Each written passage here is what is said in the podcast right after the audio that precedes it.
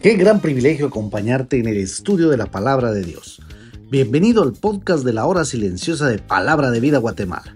Descubriremos junto a ti los desafíos que Dios nos dará hoy a través de su palabra. Deseamos que hayas tomado un tiempo para leer con anticipación el pasaje del día de hoy.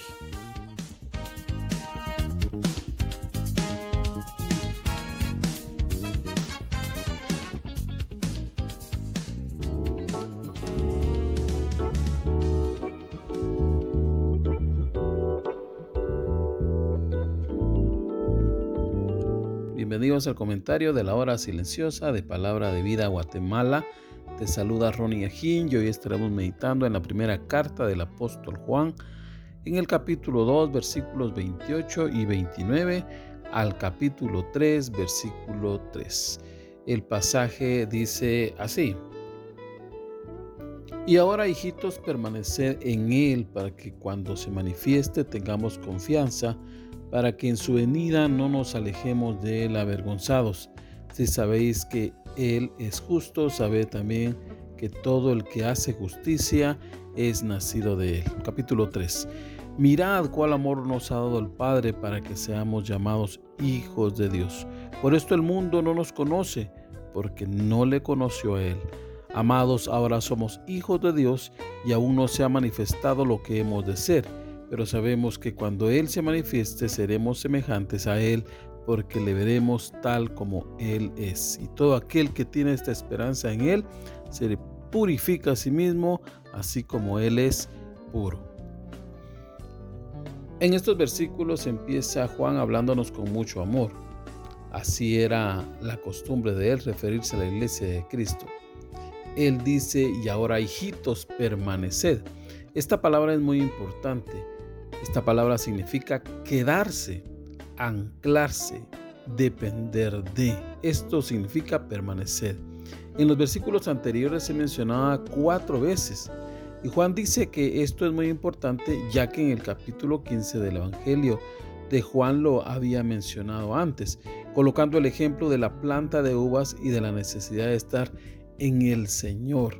En este pasaje del Evangelio se menciona 11 veces la palabra permanecer. Y para que el creyente pueda estar en una genuina relación con el Señor es necesario que permanezca, que se aferre a Él. Esto hará, dice el pasaje, que podamos tener absoluta confianza. Por supuesto que si yo estoy cerca de mi Señor, Él conoce de mi necesidad, como el Hijo que depende del Padre y le provee lo necesario el Padre, ¿no?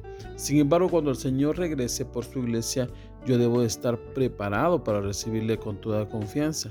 Este relato lo podemos comparar al relato en el libro de Génesis capítulo 3, cuando Dios busca al hombre en el Edén y resulta que estaban escondidos, estaban avergonzados, pues habían pecado. Romanos 3:23 dice, por cuanto todos pecaron, están destituidos de la gloria de Dios. El pecado trae vergüenza y separación de un Dios santo. Mi amigo y mi hermano, el Señor regresará. ¿Y cuál es tu condición si Él viniera el día de hoy? ¿Te avergonzarías? Por eso el Señor quiere decirte hoy que si tú eres su hijo, vivas una vida de santidad y justicia. Estas son también cualidades de un verdadero hijo de Dios. En el capítulo 3 Juan expresa algo que posiblemente los oyentes de aquel entonces no comprendían y muchos ahora tampoco comprenden.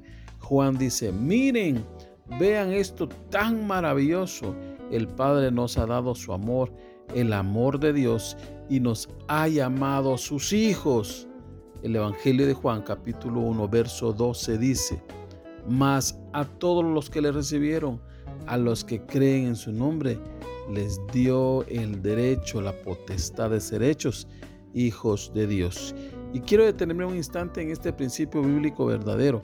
Posiblemente tú que me escuchas siempre has creído que por ir a la iglesia, que por haber nacido en un hogar cristiano evangélico, porque tus padres son pastores o has tenido una familia muy religiosa y practicas muchas costumbres que te enseñaron o alguna otra cosa más, mereces ser llamado hijo de Dios déjame decirte que estás equivocado. Jesús nos dice que para ser un verdadero hijo de Dios tienes que recibirle en tu corazón.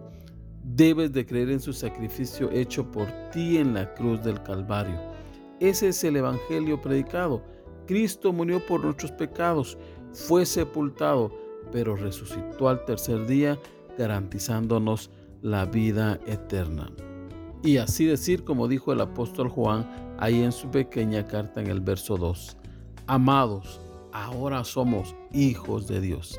El verso 3 de este capítulo nos enseña que si somos hijos de Dios debemos de vivir en santidad. ¿Y cómo la logramos?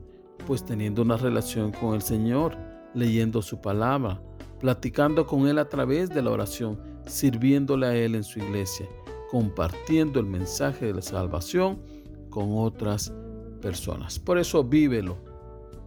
El mundo te rechazará si eres un auténtico hijo de Dios, eso es seguro. Y lo hará porque no le conoce.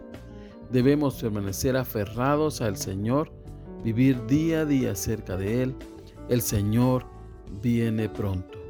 Que no me encuentre avergonzado, que no te encuentre avergonzado haciendo y viviendo como el mundo. Y recuerda que para ser un hijo de Dios debes de recibirle en tu corazón y creer que su sacrificio en la cruz del Calvario puede darte vida eterna. Mi deseo es que vivas una vida de santidad, una vida conociendo cada día más a tu Señor. Si tú lo has recibido en tu corazón, este es un lindo momento para pedirle al Señor que venga a tu corazón y a tu vida. Que el Señor te bendiga.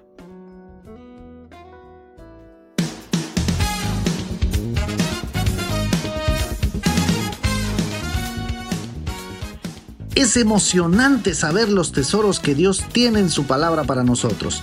Ayuda a tus amigos a que descubran la voluntad de Dios para su vida. Comparte este podcast con ellos.